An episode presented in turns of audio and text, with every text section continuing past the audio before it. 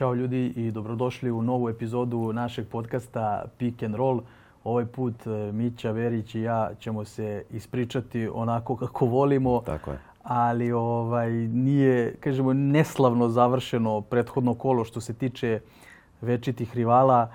Izgubili su i Partizan i Crvena zvezda, igrali su istog dana ono što, što ne volimo da se dešava nekako su, kažemo, neslavno prošli jedni i drugi, pa ovaj, evo za početak, Mićo, možemo da krenemo odakle hoćeš. Nema, da, na... Nemamo ovaj put gosta, da. da. tako da imamo on lights on you. Striktno. Ovaj, pa, naleteli su realno i Partizan i Crna zvezda da na najraspoloženije i Efes mm. i Armani. Odigrali su dve najbolje utakmice možda u, u sezoni. Ne možda nego sigurno. Što se tiče Efesa, Armani je sad odigrao jednu sjajnu utakmicu, mislim, eh, kod kuće, eh, kada je Dali Valenciju dobio 20 razlike sada i mislim da je, ajde da kažemo, ali raspoloženi i pre svega šuterski raspoloženi, jer ovakve, to su dva tima koji su imali problema sa šutem, pogotovo za tri poena.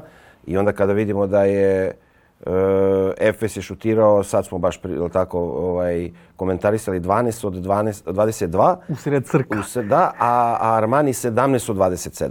Tako I imali je. dva igrača koji su odigrali Trojke. najbolje mečeve uh, Mamodolo o, o, karijere možda, ne pamtim Sigurno, da je, da je 32 karijere. poena i da šutira 6 od 7 za 3, ne znam, 4 od 5 za, za 2 ovaj sigurno rekord Larkinu nije e, rekord rekord, rekord karijere dao je 28 poena bio je pod upitnikom znači to je maltene više se mislilo da da ne igra nego što igra jer je pričalo se o toj po, tom povredi. toj povredi. prsta i to međutim odigrao je kako je, da ja to sam baš komentarisao kako bi igrao.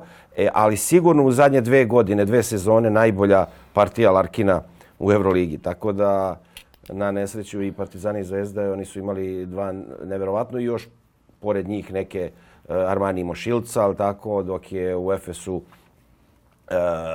u prvom poluvremenu to bio Willis, u, u drugom poluvremenu Thompson, odnosno čitavu utakmicu, tako da ovaj naravno daleko je lepše pričati kada ovaj da sa dve pobjede, ali šta da se radi jednostavno to je to je Evroliga, to su sjajni timovi. E, ono što je to uvek potenciram i uvek kažem da nema puno vremena ni za slaganje, nema puno vremena ni za mm. tugovanje, jer utakmice dolaze na svaka e, dva, tri, tri, četiri dana. E, danas ovaj, Aba Liga. Aba Liga, Jadranska Liga, ništa manje značajna, znamo ovaj, e, šta je cilj oba tima, tako da sa te strane ovaj, šta se, mislim, šta se radi, glava gori da se dalje već sljedeće nedelje i Partizan Crna Zvezda su domaćini. Tako da svaka pobjeda leči rane i sa, i sa svakom pobjedom se zaboravlja prethodni poraz. Ovaj, pa, recimo, ajde kažem, eh, da krenemo od Partizana. Eh, Partizan je odigrao odličnu utakmicu. Ne mogu da kažem sjajnu, da kažem sjajnu, Partizan bi pobedio. Ali je naleteo na jednog eh, izarednog izvarednog Efesa koji je odigrao najbolju utakmicu sezone. Prvo poluvreme i svi, odnosno već pričam to, od početka sezone da je Partizano najveći problem odbrana u ovom trenutku, a da napad apsolutno nije problem, jer jednostavno uh, E, e, Partizan deluje e, moćno ofanzivno i to pokazuje i statistika i da je u dva najbolja tima što se tiče ovaj napadačkog akcenta u Euroligi. Uh, I sada imali smo dv, potpuno dve, ovaj, da kažemo, svaka četvrtina je bila priča za sebe. Prvo polovreme, tako, previše 50 poena i onda je ta treća četvrtina bila, da kažem, defanzivna klinika Partizana. Koliko god imao problemu, tu treću četvrtinu je odigrao izvaredno u odbrani i samim tim posle to e, nastavak je bio u napadu koji je izuzetno bio fluidan je pas više je bio Partizan je e, napravio 24 asistencije što je mislim apsolutni rekord Partizana u ove dve sezone u Euroligi. Uh, i, I to je u jednom trenutku izgledalo stvarno da, da je Partizan, ako ovako nastaje, jako, jako blizu e, brejka. I to velikog brejka u Istanbulu protiv izvanrednog tima. Međutim, onda je Efes odigrao zadnju četvrtinu stvarno, ja kažem, ofanzivna jedna klinika.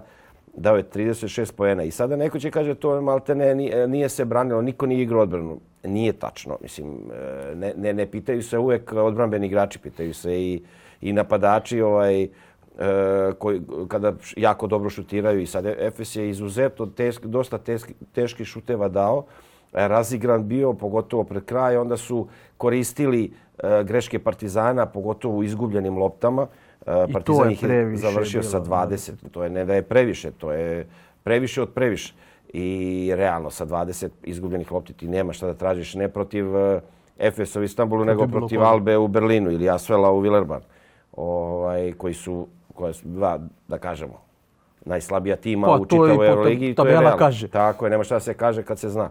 Tako da sa te strane, stvarno je postojala šansa u jednom, ali utakmicu se igra 40 minuta. Tako mm. da, ovaj, ka, ka, ka, ja sam rekao da sam da, je, da sam ja zadovoljniji igrom Partizana u Istanbulu protiv Efesa, da je Partizan izgubio, nego protiv Albe u, u, u areni, da je Partizan pobedio nekih 14-15 razlike i to deluje onako glatko. Uh, apsolutno i dalje stojim iza, iza toga što sam rekao i posle utakmice da, da ova igra Partizana mi uliva poverenje u smislu i optimizam za naredne i za na, naredni tok, pogotovo što su se Novajlije e, što su Novajlije odigrale dva, ovaj, e, možda i najbolje mečeve u čitave sezone. Znači i Kaminski i Doužer su odigrali izvanredno. Ovaj, tako da jako se vidi da, se, da su se uklopili i naravno trebalo je vremena. Niko nije mogao da očekuje da će oni u drugom, trećem kolu sada biti lideri. E, falio je e,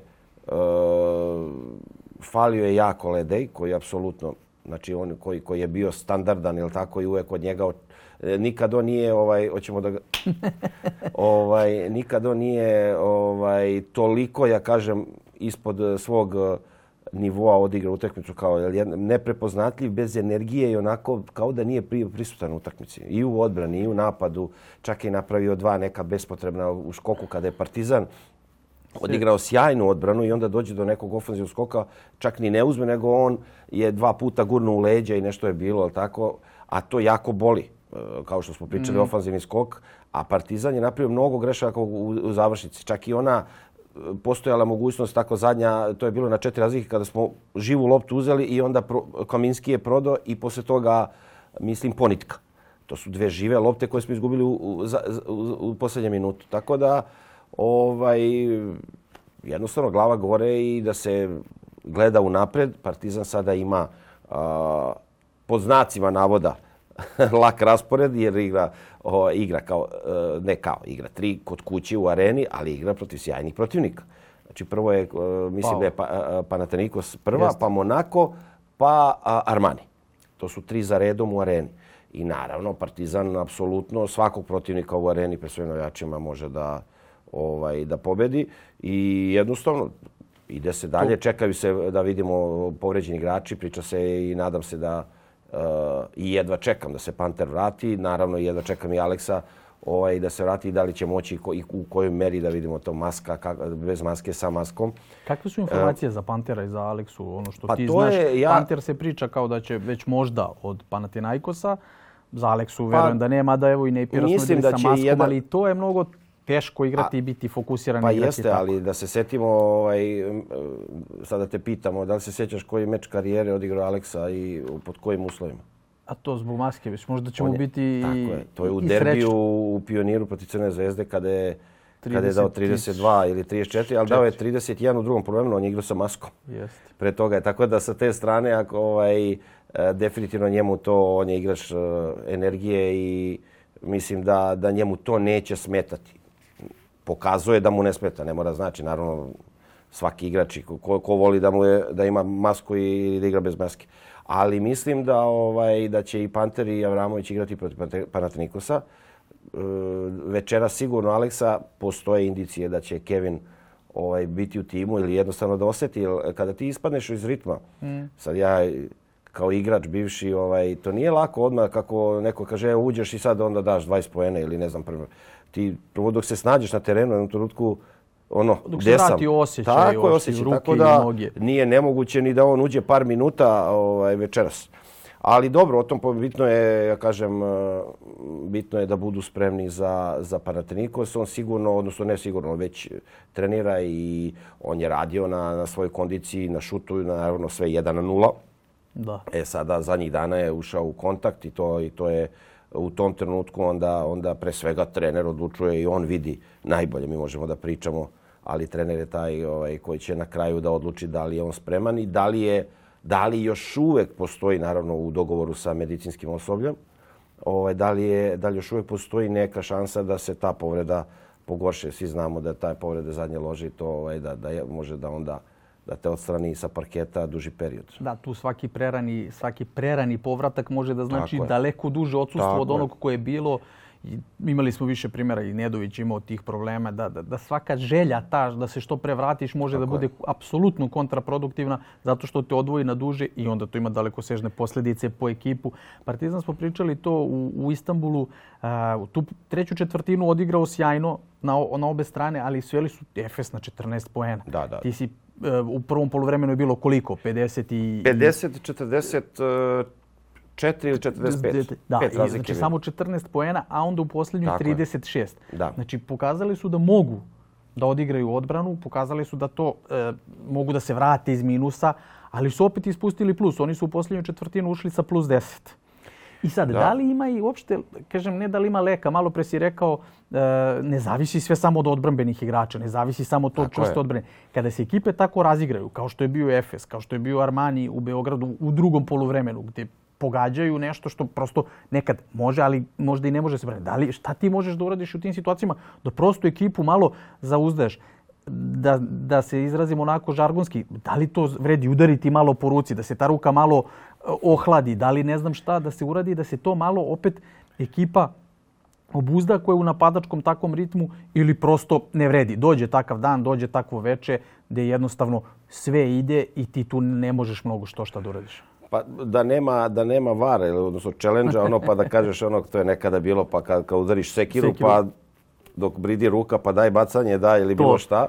To sada već ono gledanje i to to može da bude kontraproduktivno jer onda idu dva bacanja lopte sa strane, tako da sa te strane, ali definitivno da moraš da, da odigraš agresivnije moraš. Mislim da je veliki problem Partizana bio što su prebrzo ušli u bonus. Ja mislim da je da, da su za minut i po napravili tri, da je već na nekih nakon dva i po, tri minuta zadnje četvrtine Partizan je bio u bonusu. Što je protiv ekipe kao što je Efes pogubno, jer su to igrači koji izuzetno šutiraju slobodno bacanje. I svi znamo da onda kada uđeš u problem sa bonusom, svaki kontakt je ili svaki problem ne može da budeš toliko agresivan. Ovaj, I onda je to posle. Onda a, kada, kada Larkin iz punog trka izađe iz bloka, kada se šu, iz pikerola na, na prvu, prvi dribling se digne, tu realno nema nema odbrane. Ti možeš mm. da mu o, o, otežaš šut, ali on ako pogodi i ono što je evidentno bilo da naravno u tojim rotacijama kada ti moraš da biraš i nekoga koga te ostaviš. Darius Thompson nije e, e, igrač, e, e, nije šuter za tri poena i njegova najveća e, vrlina nije šut za tri poena, nego sve ostalo drugo i, i prodor i šut, šut za, za dva i asistencije, ali on izvaredno šutirao, on je dao tri ili četiri trojke ovaj protiv Partizana, dve je dao u posljednjoj četvrtini izuzetno bitne, e, sećam se baš pored, e, sa 45 stepeni pored klupe Partizana. I onda to kada uđe, pa je onda recimo Klajbun koji je bio nevidljiv i koji je bio jako dobro čuvan, je vezao u trenutku On je vratio Baš voliš Klajburna. Nema, nema ne, ne, kad moram ga ne pomenemo. Spomenem, nema da. kad ga ne pomenemo. Ali, ali on je taj koji je u zadnjoj četvrtini vezao sedam poena za... On je, zato je Efes jako brzo, u neke, za dva, dva i pol minute je Egal bio... Uh, mislim da je recimo Partizan da je znači šede, da je recimo bilo 76 76. Da, da. da je bila neka serija 12-2 ili 14-4. I jako brzo je Efes upravo je Klajburn bio taj preseko je loptu e, pa je dao trojku, dao dvojku, tako da onda se posle nadovezao izvaredni Larkin, nadovezao se Thompson, tako da Boboa koji tako kad treba da. I onda jednostavno kad im uđeš u, u, u mašinu, jako je teško igrati protiv, e, protiv Efesa, probudila se publika, dok je recimo na kraju treće četvrtine to je bila pozorišna atmosfera. Tako je, oni nemaju, nema to kao ovdje u Beogradu, tako ovaj, kada se gubi 10-20 pa kao te publika digne Nos. tamo, jednostavno se, e onda u, u, u trenucima kada su one ulazili u seriju i publika se probudila i onda to je bilo evidentno da ćemo imati egal završnicu i, i imali smo jednak na minut i po pre kraja ili dva minuta je bilo nerešeno. Onda su oni pogodili trojku, pa i, e, osvojenu loptu, pa lagana, lagano polaganje i Mislim da je da je Partizan previše, ovaj ne mislim, nego siguran sam previše izgubio lopti u zadnjoj četvrtini. To, se, ovaj, to smo pričali. Ukupno tako, 20, od tih 20, 20, skoro polovina U zadnji. Devet u posljednjoj četvrtini. Da. Devet izgubljenih lopti Pa e, je to to, je- to je e, po minutu, skoro jedna po minutu u je. proseku. Ti nekad imaš celu utakmicu ekipe koji izgube devet ili sedam i manje od devet lopti.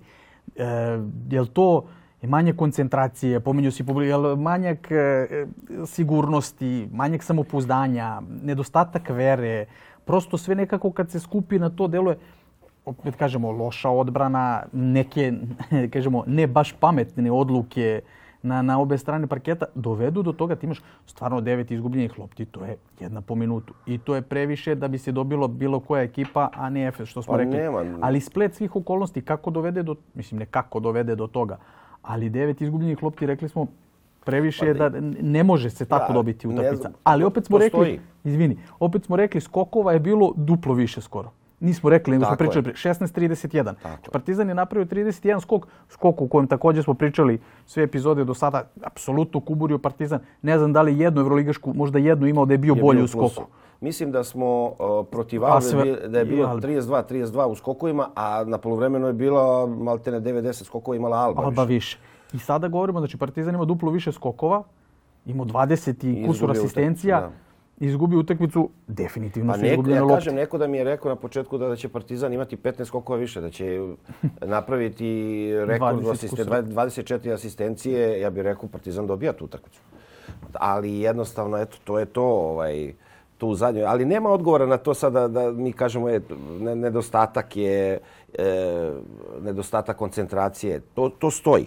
Ali u, u smislu nema pravog odgovora, kažemo, izgubljene su lopte zbog toga i toga. Jel, kada ti treću četvrtinu odigraš onako kako odigraš, nema razloga da ti padneš u četvrto i to, ali to je jednostavno, to je košarka i kad bi svi ovaj kad bi sve bilo onako kad bi mi kad bi znao da ćemo da odigramo treću ovaj svaku četvrtinu kao onu treću ja bi sad ovaj potpisao da će Partizan da bude pobednik Evrolige i to sa, sa sve pečatom, ja kažem, odnosno da će igra finale s Realom.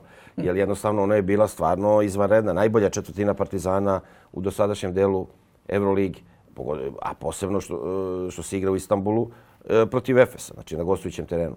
Ali jednostavno to, ali da, da mora da se, da se, što kaže, drugačije poštuje lopta i prebrzo i ne sme ono, ja kažem, e, a to nije slučaj samo sad kada nakon osvojene da olako izgube. Mi smo tri u zadnjoj četvrtini nakon osvojene lopte smo, smo prodali. I ono Kaminski nakon blokade poku, teo je unapred naneli da da ono živa lopta. Ponitka ukrade loptu a, istog sekunda mu Boboa ukrade loptu. Tako da previše, previše smo imali ukradenih. a Larkin je recimo u, u tim trenucima kada su e, stizali rezultat, ukrao dve žive lopte, jedna je bila namena lična greška, pa je bilo 2 plus 2, plus 2 Dva. recimo. Bila su četiri poena u nastavku, tako da ovaj, e, mora da se o tome vodi računa i naravno, apsolutno je previše, ja kažem previše na kvadrat 20 izgubljenih lopti, tako da mm.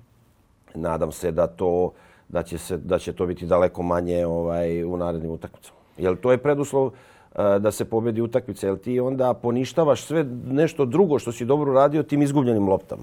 Tako da sasvim i drugi rezultat bio ovaj da da pričamo sada o nekom o nekih e, treneri kada do nekih de- desetak e, da kažemo može da se toleriše i to sve preko toga je i onda se to gleda odnos sa asistencijama, skokovima i to plus minus plus minus. Ali ovaj da bi se dobio jedan Efes u Istanbulu, apsolutno onda mora mora da bude sve perfektno.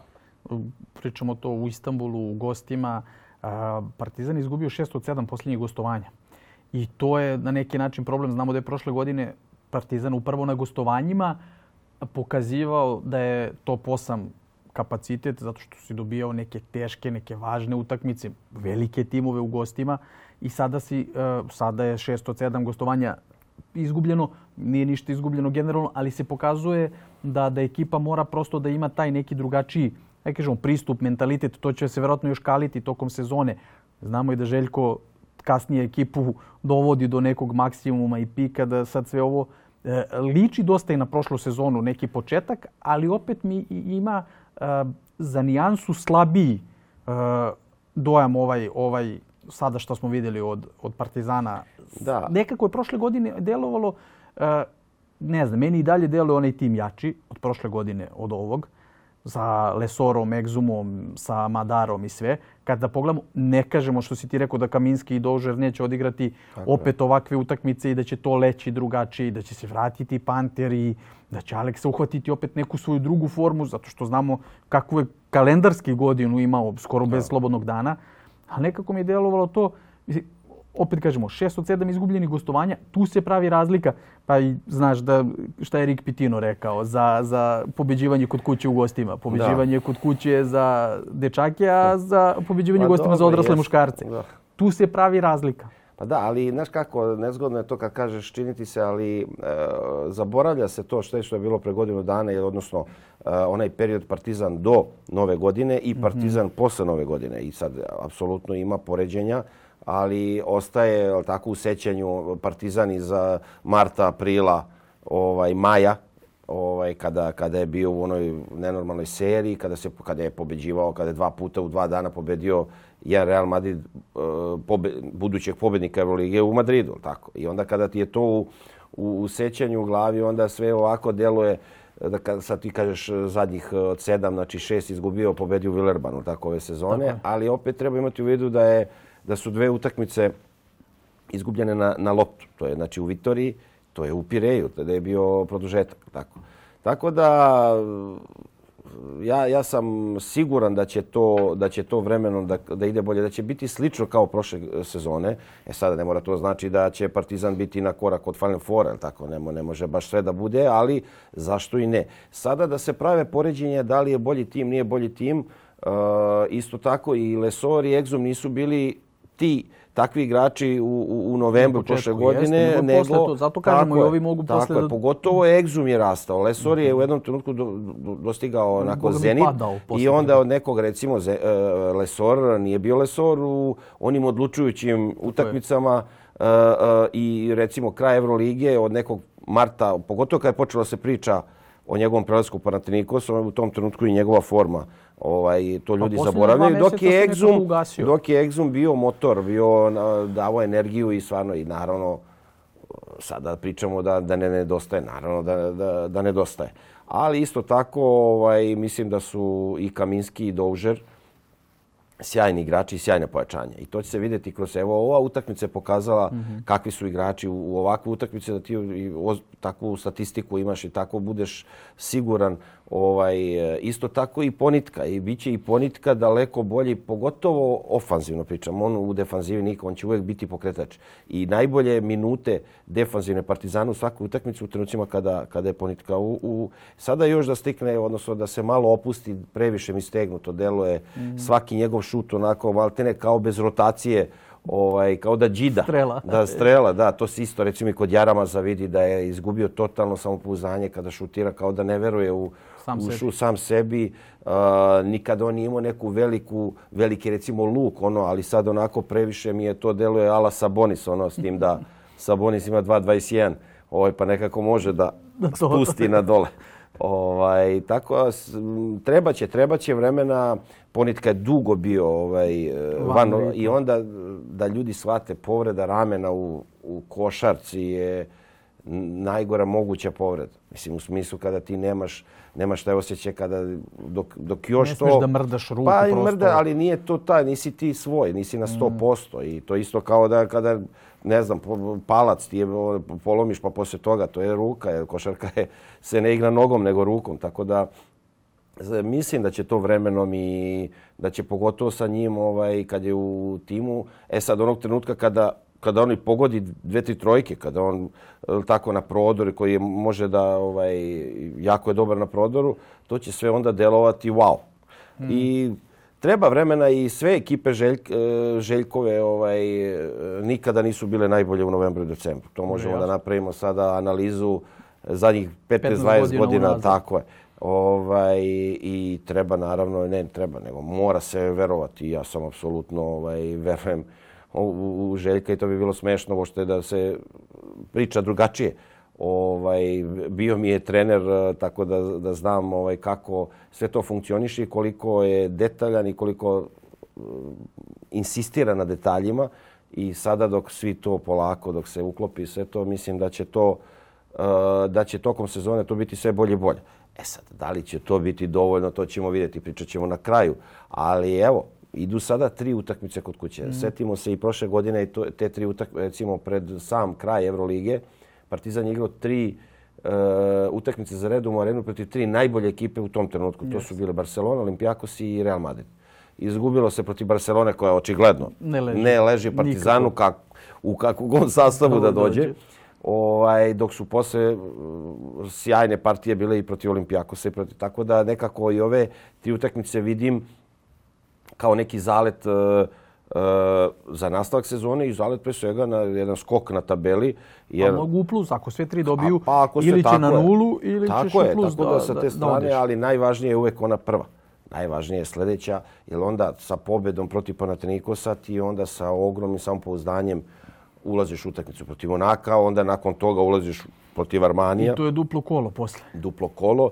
Tako da sa te strane onda možemo recimo za neke dve nedelje ovako kad sedimo da kažemo eto sada Partizan je u zoni i siguran sam da će, da će ajde neću kažem onako verujem da može sve tri ali minimum dve da, e, da pobedi. E, ništa ne bi bilo tragično tako jedan poraz. Ipak su to sjajni timovi. Ne može, niko tebi ne garantuje uspeh e, ni u areni, ali onda možemo sasvim drugačije da pričamo da je to sada jedan, jedan sup, sedam, super. Šest, tako šest, je, šest, tako, je, tako, je, tako da sa te strane to može da sve zavisi. I sada je ta serija od, od tri jako bitna i nekako deluje mi da je sad u ovom trenutku da se onako odlučuje o tom skoku i ono, da li će se priključiti gornjem delu tabeli ili će tu biti uh, ovaj pri play-offu. Pri crti. Pri crti i onda večita borba ako izgubimo, a dobijemo ovdje i onda kad krene matematika.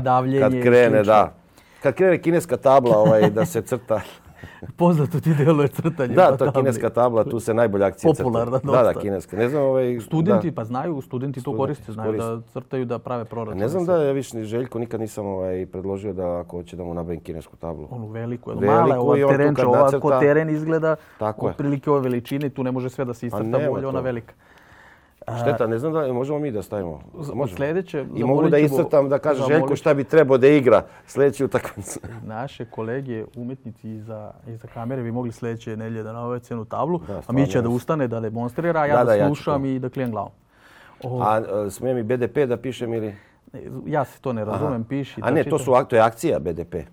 A, to, blok to, dodavanje, četiri, a on blok dodavanje i pas. I pas, da.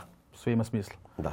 A, tri vezane utakmice, rekao si, prva od njih je Panathinaikos. Panathinaikos dolazi u četvrtak, četvrtak u 20.45 u arenu. Dolazi Pao, dolazi, e, rekao si Ponitka isto i Ponitka je bio tamo.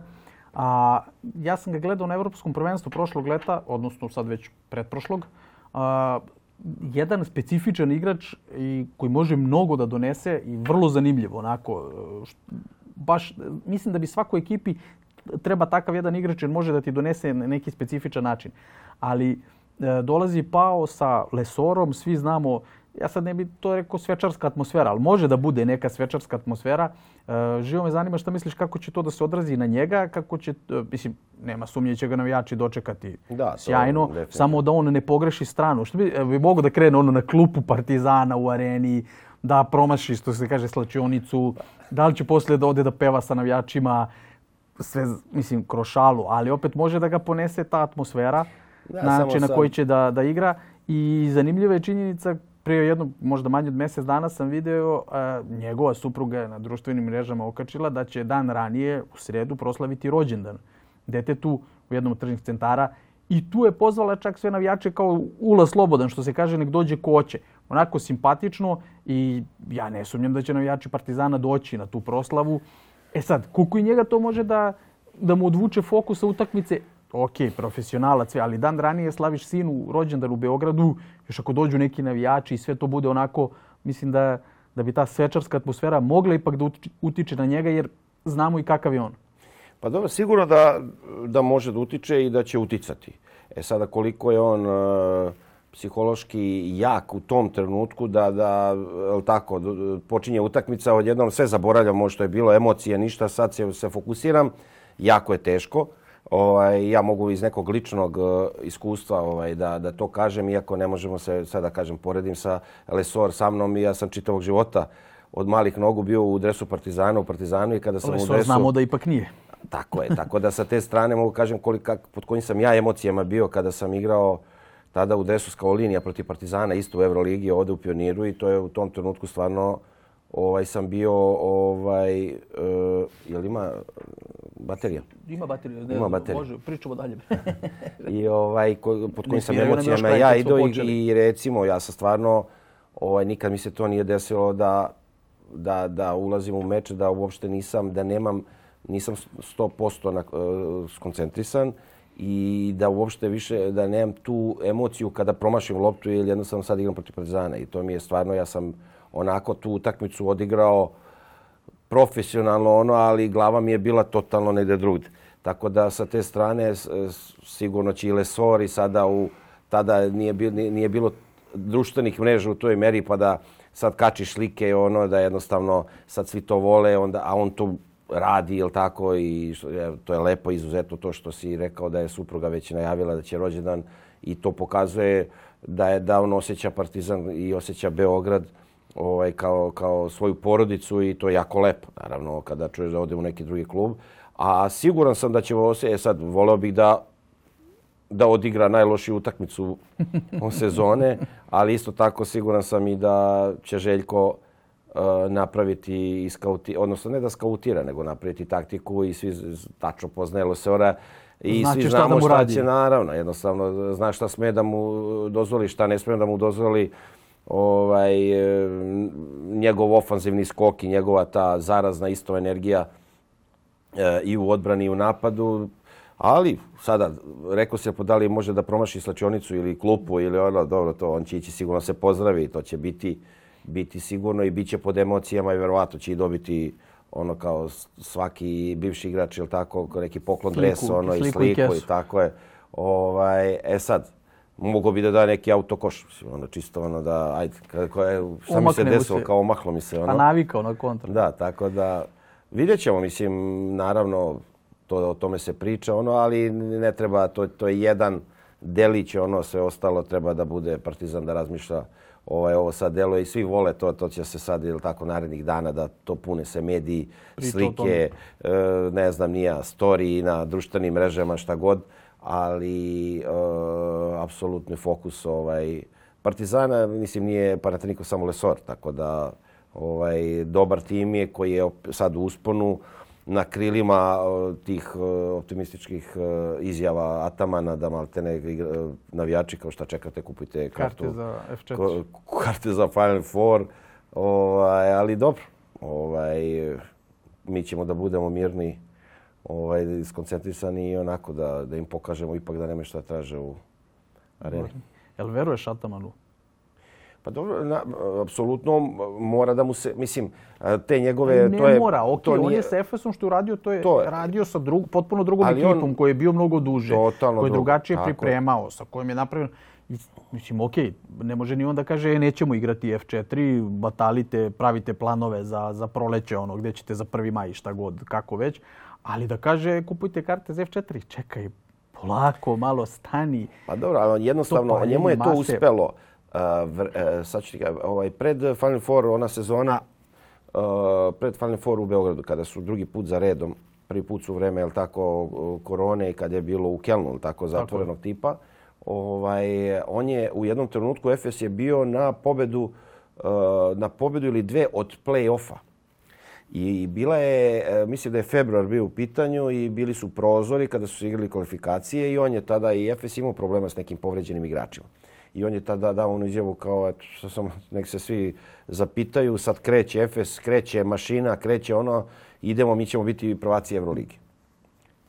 I ta izjava u tom trenutku isto je delovala, ono će pogurao ono, ovaj, međutim, to je upalilo. I kako je upalilo, svi znamo da je Efe se probudio, otišao tako na ovaj dobio prednost domaćih terena.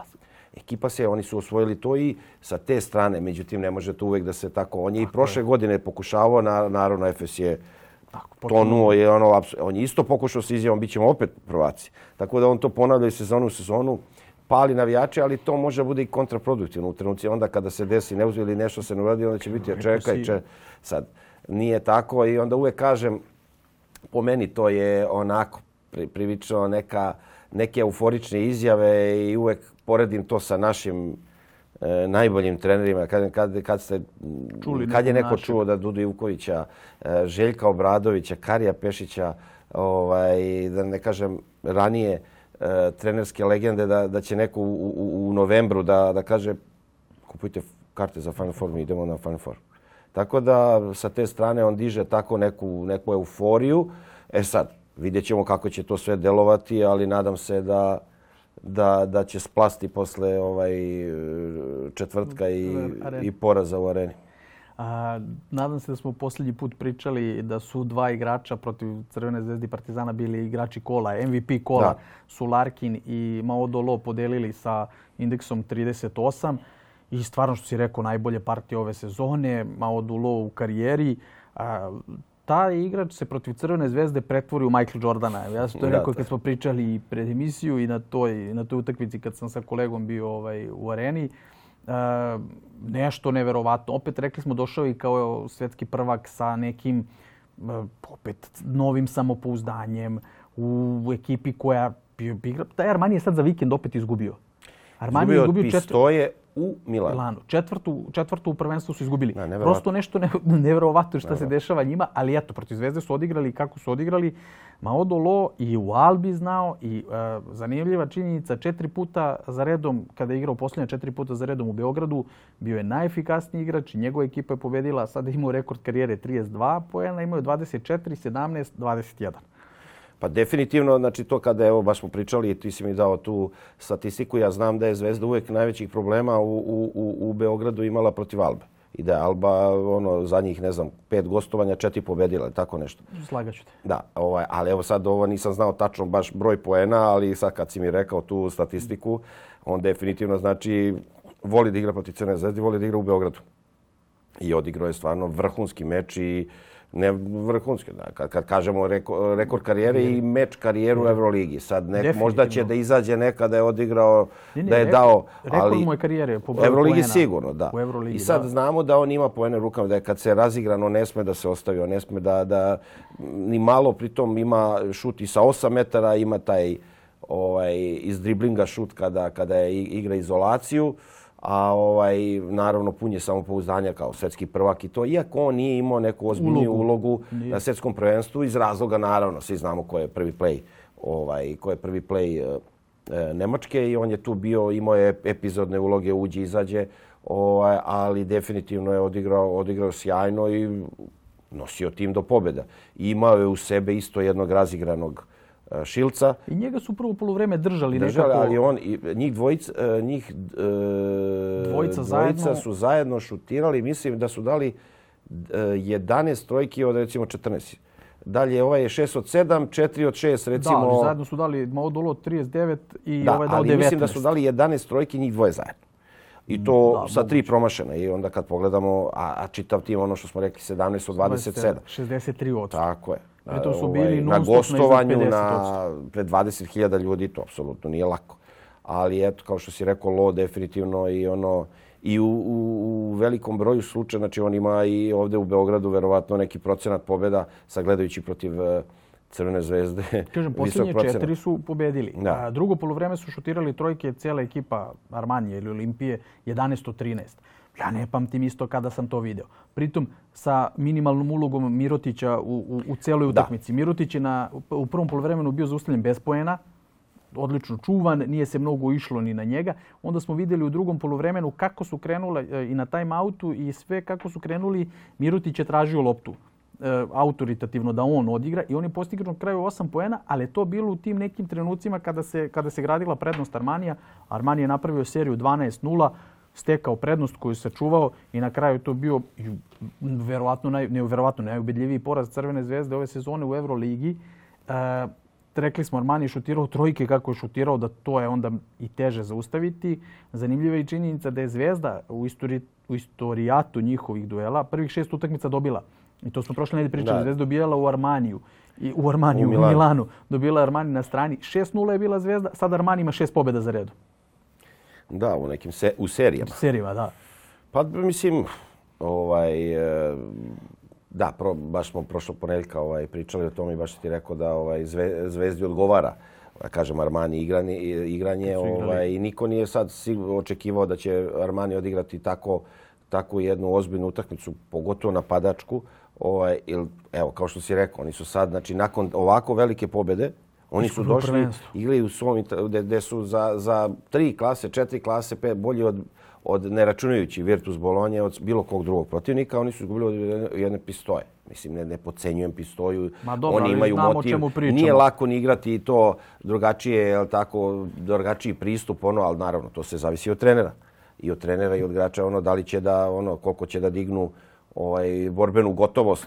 Uh, o, ali da izgubiš i to lagano izgubiš u Milanu od pistoje, koji je tako neka sredina tabele, u italijanskom prvenstvu. Tako, Pritom već imaš tri poraza u prvenstvu. Amplitude ovaj, dobrih i loših igara. Ja i dalje e, ne smatram da je Milan, i stalno sam apostrofirao da je opet, kao i prošle godine, najveće razočarenje na početku. Oni sad ušli u seriju. Mislim da od zadnje četiri, četiri kola imaju tri pobjede. Ovaj, A je li vidiš u top 10, top 8 pa dobro, ili u top 6 da pa, budu kao bez play-ina?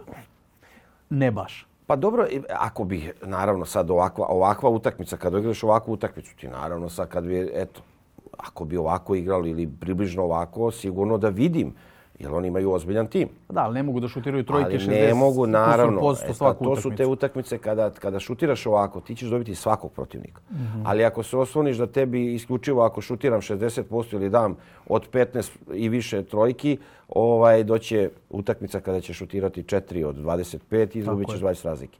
Tako da ne može samo to da bude fokus na šutu za 3 poena ali da su delovali, moćno delovali su. Da li će sad to nastaviti tako, to ćemo da vidimo. Ali e, mislim da ja ne vidim neku preozbiljnu hemiju u tom timu. Mm -hmm. Nešto tu meni onako ne štima. Da li će ova pobjeda biti prekretnica za nastavak sezone i da uđu u neku ozbiljnu seriju. Znamo i prošle godine su oni u jed, pred kraj ušli u jednu seriju gde se čak došli u situaciju od tima koji je bio poslednji, delio posljednje mjesto, je došao u situaciju da je postojala matematička neka kombinacija, šansa, šansa da dođu i do osmog mjesta. E, e, međutim, ovaj, sad da li će to tako, sad vidjet ćemo, ali da su nepredvidiva ekipa, jesu. I tamo kad, evo, to, upravo to je pokazatelj ova utakmica od sinoća.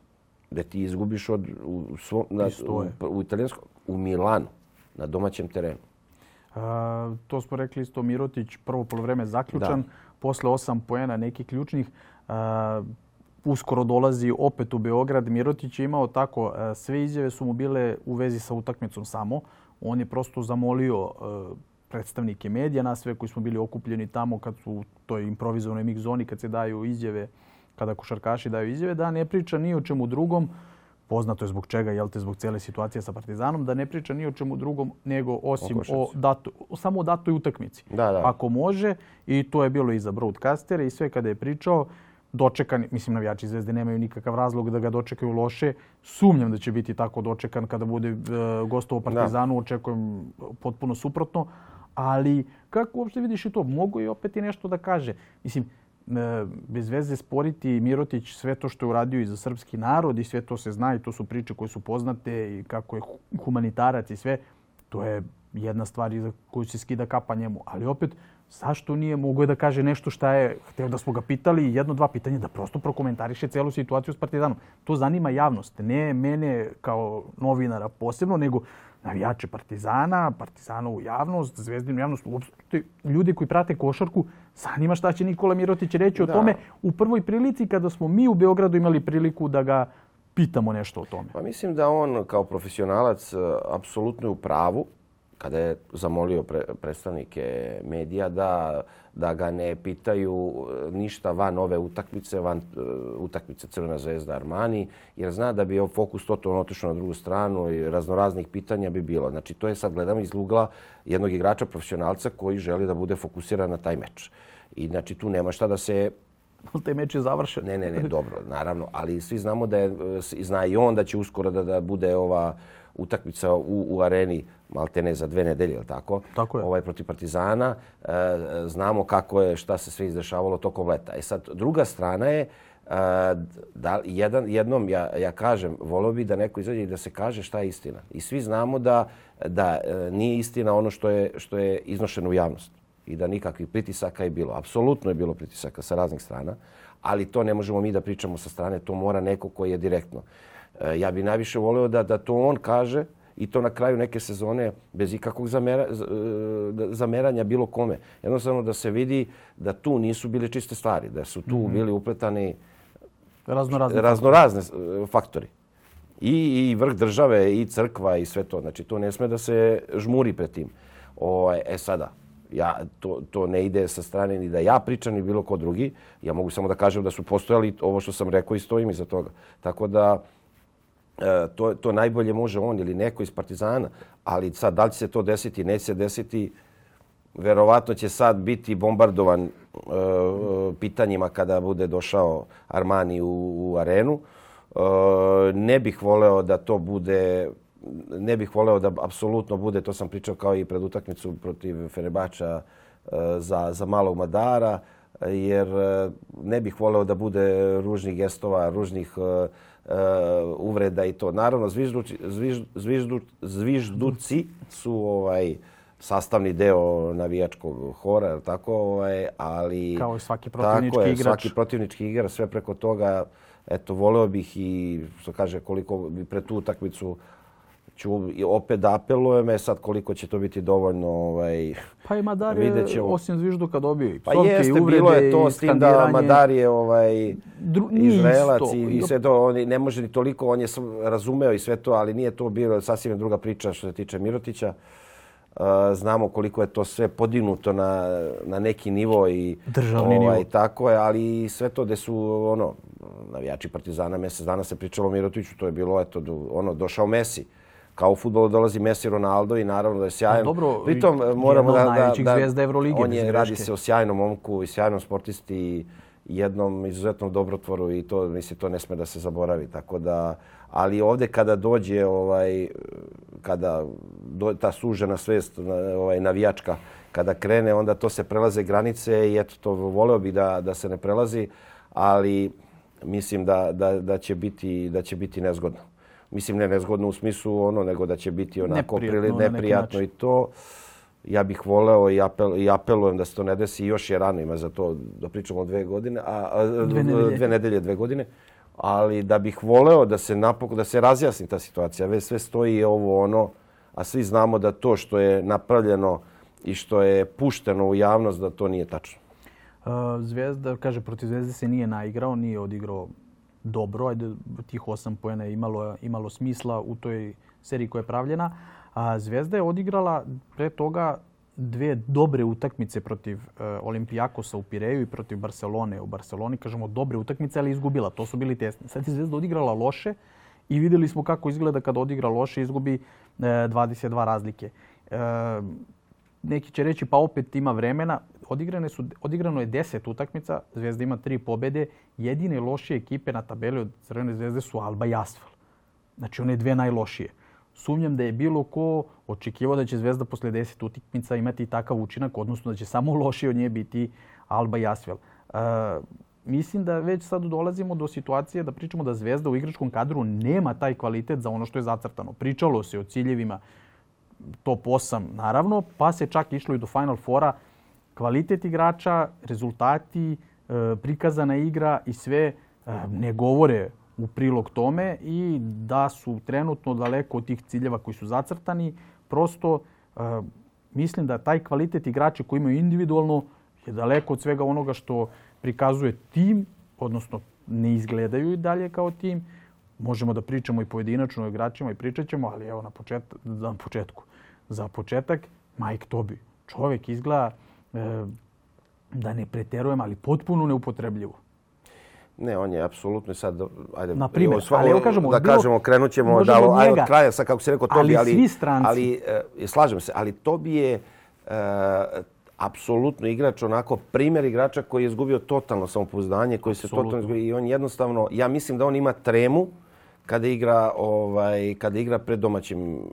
Ali dobijaju i podršku Znači, nije bio, Naravno. na primjer, za razliku od Šabaza Nejpira, kome su bili i zvižduci, i povici. Dobro, zato što je on uh, sa Aureolom jednog najboljeg igrača, najveće pojačanja, najskupljeg i sad to kad krene to da se pravi. i podršku i aplauze da. i sve i posle ja. grešaka. To bi se nervira. Što kaže, pričamo, bar vidiš da se nervira. Da. Kod Čabaza vidiš i neku ravnu liniju, onako, ne mora svako da reaguje isto, možda se on ne u sebi nervira. Isto, tako ali kod Tobija vidiš to. Ali deluje, um, baš onako loš. Pa ne, to kada, kada je igrač izgubi samopouzdanje, kada se e, kada na terenu taj govor tela što uvek koristimo, ono, da. vidi se da on jednostavno ne veruje, on sad je izgubio ono i onaj osjećaj koji je imao zbog čega je došao u Zvezdu ili tako.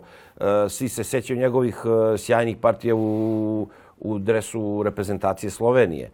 Njegov, njegovog pike rola sa, sa Lukom Dončićem i sve to. On nije zaboravio, naravno. I sve to uvek je, uvek je jedna utakmica taj bude koji prekretnica, taj neki okidač kada igrač ili e, ovaj krene uzlaznom putanjom.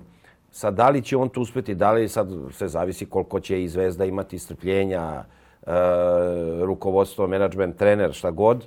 Ovaj, ja i dalje mislim da to ni igrač koji je zabor, ne može da zaboravi košarku, ali kada to izgubiš samopouzdanje, to ništa, ništa gore. To je kao ono, centarfor u futbalu kada nije ovaj kada nije dao 10 utakmica da je onda posle promašuje i prazan gol. I ono što da. Tako da to su te stvari sad da li će to uspeti stvarno sad to možemo sad da pričamo može ne može al to je pre svega uh, to će trener da odluči on najbolje zna ovaj ali da deluje da u ovom trenutku da deluje da ništa da više odmaže nego da pomaže to stoji gledajući evo i on sad ja mislim 0 od 5 ima iz igre ne znam, slagačke. 0 od 5 gledao sam, da. To... isto na kucanje, da. dobio je rampu, isto to to bi ne zakucava, on ide potpuno drugačije. Dobro, ali on skočan može, ali to je pokazao, to je njegova želja što želi da se dokada Jest. nekim atraktivnim potezom podigne i svoje samopouzdanje. U sljedećem napadu bi očekivali trojku, to tako ide, zakuca mm. pa trojku ali recimo njegov, njegovi su izuzetno loši procenti šuta u, u Euroligi do rec, ali e,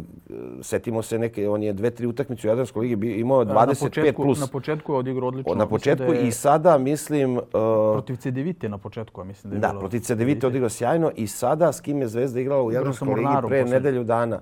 Mislim Mornaru. da je Mornar dao 20-25 pojena. Sad naravno nije Mornar Armani. Ali to pričamo isto ko pistoja u Italiji, nije da li, isto. E, ono, ima igrače s kojima mora se priča da li ono da, da se opusti igrač. Jel previše, možda je previše na sebe e, napravio to taj pritisak ovaj delo je potpuno da, da nema, da izgubio apsolutno samopouzdanje. Pa ne, to se vidi, to na terenu i kada on je, ima izuzetno e, dobar šut za tri, izuzetno meku ruku. I stanju je jedan, je tako, petica. Ču, ima taj čudan, ali, ali kad, kad iz ulazi, kluba. kad ubacuje, ovaj, nikome nije čudno kad ubacuje. Svima je čudno kad promaše. Da. Tako da sa te strane, ovaj, ali on je primjer, onako pravi primjer igrača koji je totalno izgubio samopouzdanje i onako delo je izgubljeno na terenu koliko će to traje, to naravno pre svega zavisi i od njega, od trenera, od saigrača i od e, rukovodstva kluba ko da li će mu dati punu podršku ili će razmišljati možda i o nekoj promjeni. I e, opet kažem da ne ulazim previše ja sad u neke trenerske zamisli sve, ali koncepcija ekipe deluje nekako najblaže rečeno čudno, kao da nema iskristalisane uloge za svakog igrača i kao da Zvezdi ipak fali četvorka kao takva. Dejan Davidovac može to da igra, nije klasična četvorka, može i Tobi da igra, može da igra i Marko Simonović, ali Marko Simonović otišao kao petica u NBA. Viđamo petorke da igraju Luka Mitrović i Bolomboj zajedno, gdje Luka Mitrović je isto pomeren na peticu, sad opet igra četvorku, pomeren, već posljednjih par sezona igra peticu. E, Nemanja Bjelica je bio doveden i dalje njegov status onako lebdi, ali sigurno nije doveden da bude prva četvorka s obzirom na, na istoriju povreda, na godine i sve kao da su i dalje bez prve četvorke i Nedović je prva dvojka, prvi šuter, ali opet si tu kao da i dalje nekako zvezdi fali jedan do dva igrača. Da li dovoditi u decembru opet ima smisla, nema smisla, verovatno da ima. E, stranci koji su dovedeni, rekli smo Šabaz, Nejpir, mislim da za Šabaza već ističe vreme što se tiče strpljenja. E, svi stranci koji su dovedeni posle dva meseca, najviše je pokazao Joel Bolomboj, možda onaj od kog se najmanje očekivalo, Ali i on je, sad posljednja ta utakmica protiv Armanija, su visoki igrači potpuno zakazali, osim Luki Mitrovića. On je bio na 11 pojena. Bolombo je bio na dva, Marko Simonović je bio na dva, ja mislim, svi su bili tu zajedno na pet pojena. Marko Simonović ima jako malu minutažu. Mislim, ne to može stoji. Se da, I on je bio da. i povređen malo i bolestan i on se polako vraća u ritam. Ali Gidraitis odigra jednu utakmicu pa ga nema tri. Pa odigra jednu utakmicu pa ga nema dve. Stranci od koje si doveo očekuješ da pružaju neke partije u kontinuitetu i da, da se sve svelo na uh, Teodosića, Nedovića, Luku Mitrovića i do, Davidovac je odigrao odličnu utakmicu protiv Armanije. Da. Ali kažem, sve se svelo na njih. Ti, ti bi stranac mora da donese kvalitet više. Pa dobro, sa jedne, mislim definitivno sada kada pogledamo da su domaći igrači tu koji su lideri u, u Crnoj zvezdi. I, i ovaj, e, sigurno da se mnogo više očekuje od stranaca, ali isto tako, e, e, ja kažem, i za zvezdu, i za partizan, ta, ta euforija je nevjerovatna i da sad od svakog igrača se očekuje da ono, što je, što je nemoguće, jel tako, 12 igrača razigranih ni, niko nema nisu, ni, nisu ni Lakersi u najbolje vreme imali 12 igrača. Tako da, ovaj, ali da se očekuje daleko veći učinak stranaca, apsolutno da. I oni su, oni, oni su ti igrači eh, koji donose prevagu. A, ali iako kad pogleda ono, ne, po meni i dalje ne može ono da kažemo da je Napier sada, on jeste mlađi, sa, da kažemo i fizički je možda do me u odnosu na Teodosića, ali opet je Teodosić Teodosić. E sad koliko on može fizički da... Ne može da, Teo da igra ne 25 može, i ne može i on nije, proseku. nije ni doveden da, da igra ne, neku je. veliku minutažu i to i kako sezona odmiče, tako može i kod njega da se osjeti ta, taj umor fizički. Ovaj, ali da se, e sad, to je, to je ta hemija koja očigledno još uvijek nije ovaj napravljena u Crnoj zvezdi, da, da se nije iskri, iskristalisano ovaj, ko je lider, ko su dva, ko su tri igrača, ko su ti koji imaju najveću minutažu i to.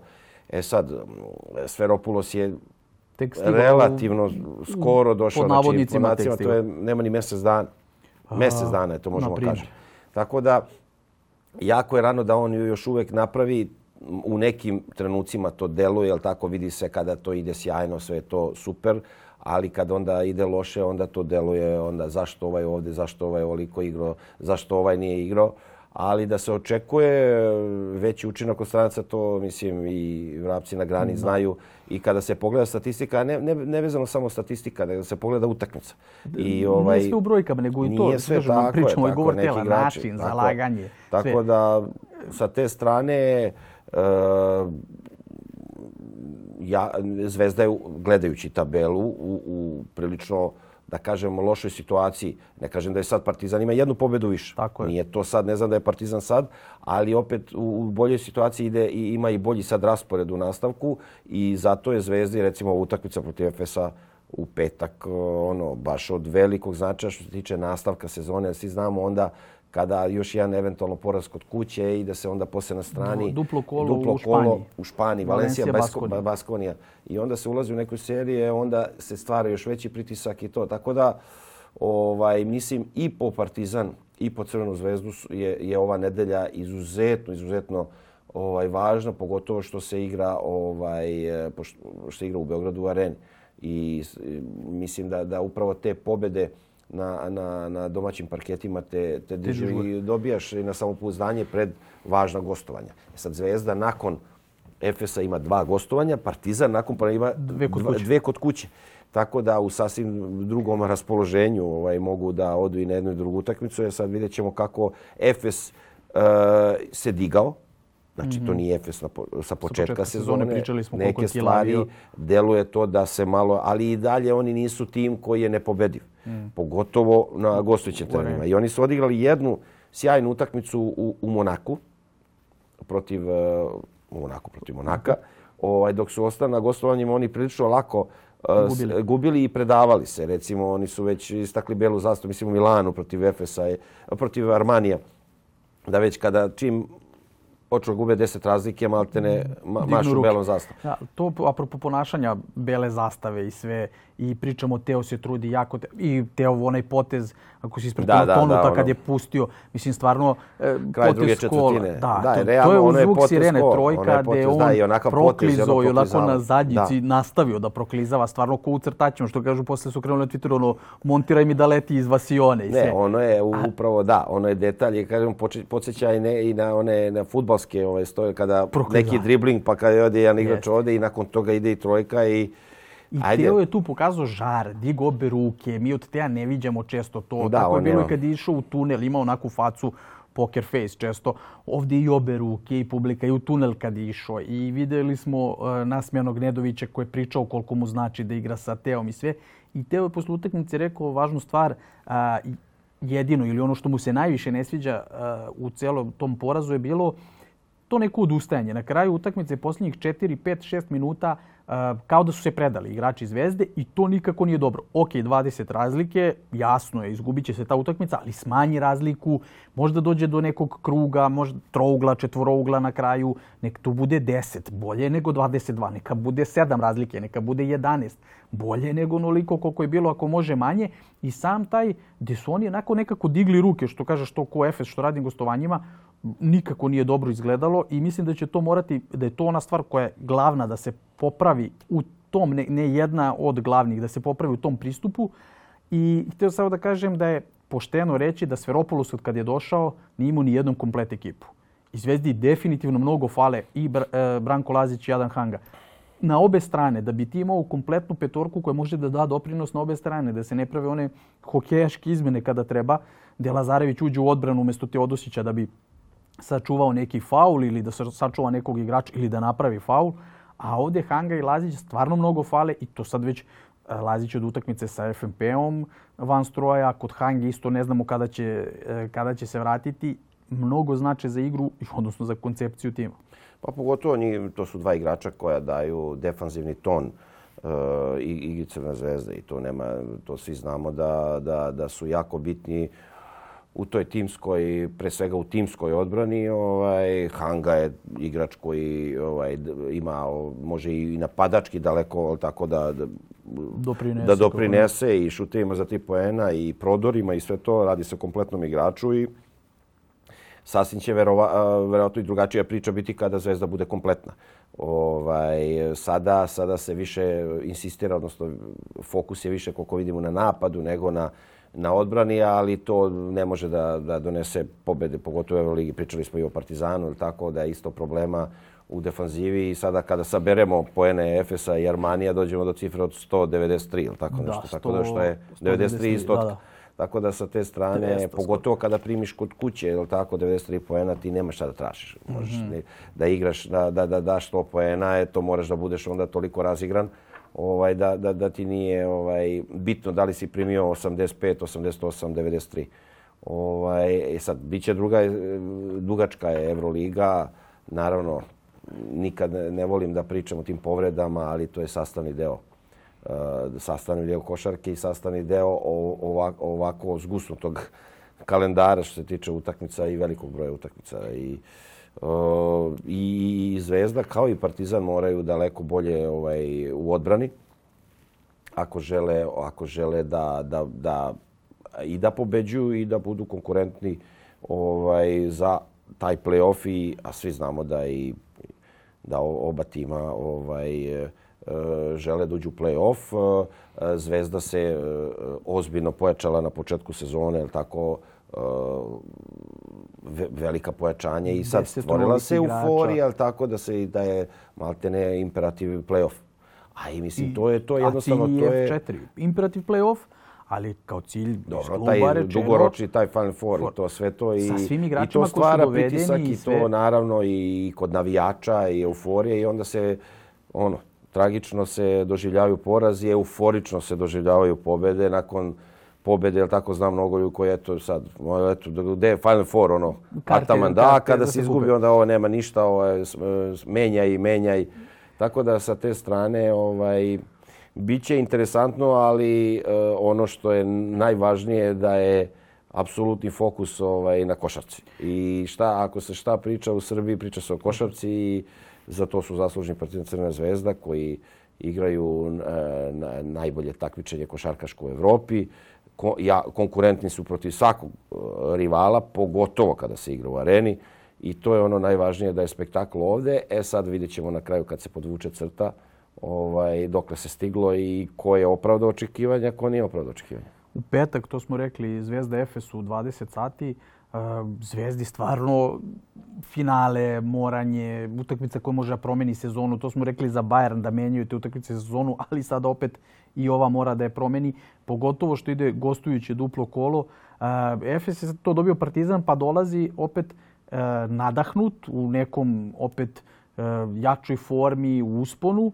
A da izgubi opet ne bi bilo dobro zato što bi i on bio pod nekim jačim imperativom i sve i u problemu da mora više da grize. Ne kažem da će sada manje da grize, ali dolazi opet iz pobede.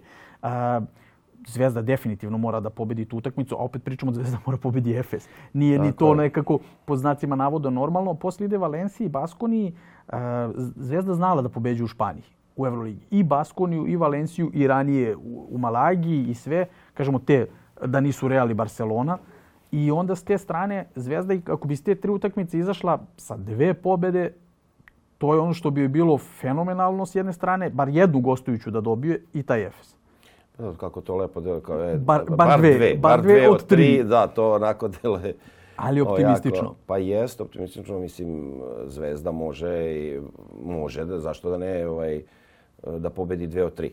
E, ali jako je ono ta prva utakmica je nenormalna u smislu tom psihološkom, jer nakon poraza onda će daleko teže biti odlaziš u Valenciju, tek tad se stvara ona imperative, ako izgubimo tek smo onda u seriji poraza.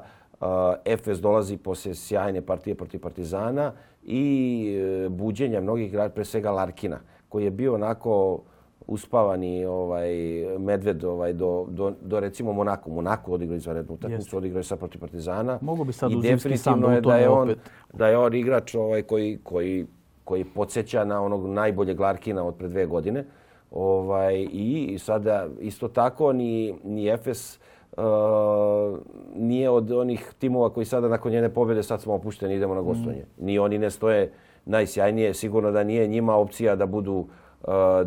10. 8. 7. nego žele da jure to uh, četvrto, treće, drugo mesto. Iako to sad deluje kao daleko, ali nije daleko. Daleko Užva je samo prvo. A, a sve ostalo je jako blizu i to u nekoj, a to je upravo nakon brejka ovaj, na strani ti onda ulaziš u seriju pobjeda i nisu oni tim koji se zadovoljava 8. i 7. mjesto, 6. nego zadovoljava se da e, dođe do mesta koje ti obezbeđuje e, prednost domaćeg terena. Tako da će oni sigurno doći maksimalno e, skoncentrisani da, da pobede. A sa druge strane, stvara se taj imperativ pobjede e, pred Crvenom zvezdom. E sad koliko će to, taj pritisak da utiče na igrače, sigurno će biti opet puna arena. E, ako, sad je to sad problem ako se krene dobro, ako se krene loše, onda to zna da nekad, nekad e, da oko je onako igrače kada, nogi, kada promaše i noge, kada promaše prvu, drugu, kada čuje se onaj hu kao kad se promaši penal na svaki promašaj. Ovaj, e sad, to je ono drugo pitanje sa koliko će ovaj sa te strane E, mora, moraju igrači da budu maksimalno opušteni. Sad, u kojoj meri će to ući u taj meč, to ne može niko da zna. Ono zna i samo oni, zna trener koji je tu zadužen ovaj, tako da ih pripremi na ono što ih, što ih očekuje u, u petak. Tako. Jeste, Zvezde u petak, Partizan, da, partizan je dan ranije. Da. Pa verujem da, da pričamo ovaj, o tim nekim lepšim stvarima, pod nacima navoda lepšim, ali da budu pobede da. eto, za sljedeći ponedjeljak pa da, i da ne budu e, protivnici MVP kola. Još su da, podelili da priznanje. da, da, ali ovaj, daleko je lepše naravno kada sada kažemo eto, ovaj, kreće podcast i ovaj, sad ćemo pričamo o dve pobjede ovaj, E, i Partizane Crne zvezde ovaj, u Euroligi. Daleko je lakše i u boljem raspoloženju smo i mi. Ovaj, tako da nadam se da sljedeći ponedeljak ćemo da budemo ovaj, raspoloženi, odnosno pričati o tome da je možda neki igrač Partizana, neki igrač Crne zvezde bio MVP kola ili odigrao najbolju utakmicu sezone karijere. Tako da zašto ne? Ovaj teret smo bez gosta izneli sad kad su porazi, pa će biti pa će pa biti ne daju nam da pričamo, tako da ovaj sad moramo da, da razmišljamo ozbiljno da nikoga ne dođe. biće biće gostiju uh, narednih. Da, to to sigurno. Ponedeljaka, ovaj Mići i ja smo izvrtili još jedan pick and roll. Nadam se da ste uživali kao i mi. A vidimo se, slušamo i gledamo sljedećeg ponedjeljka. Prijatno.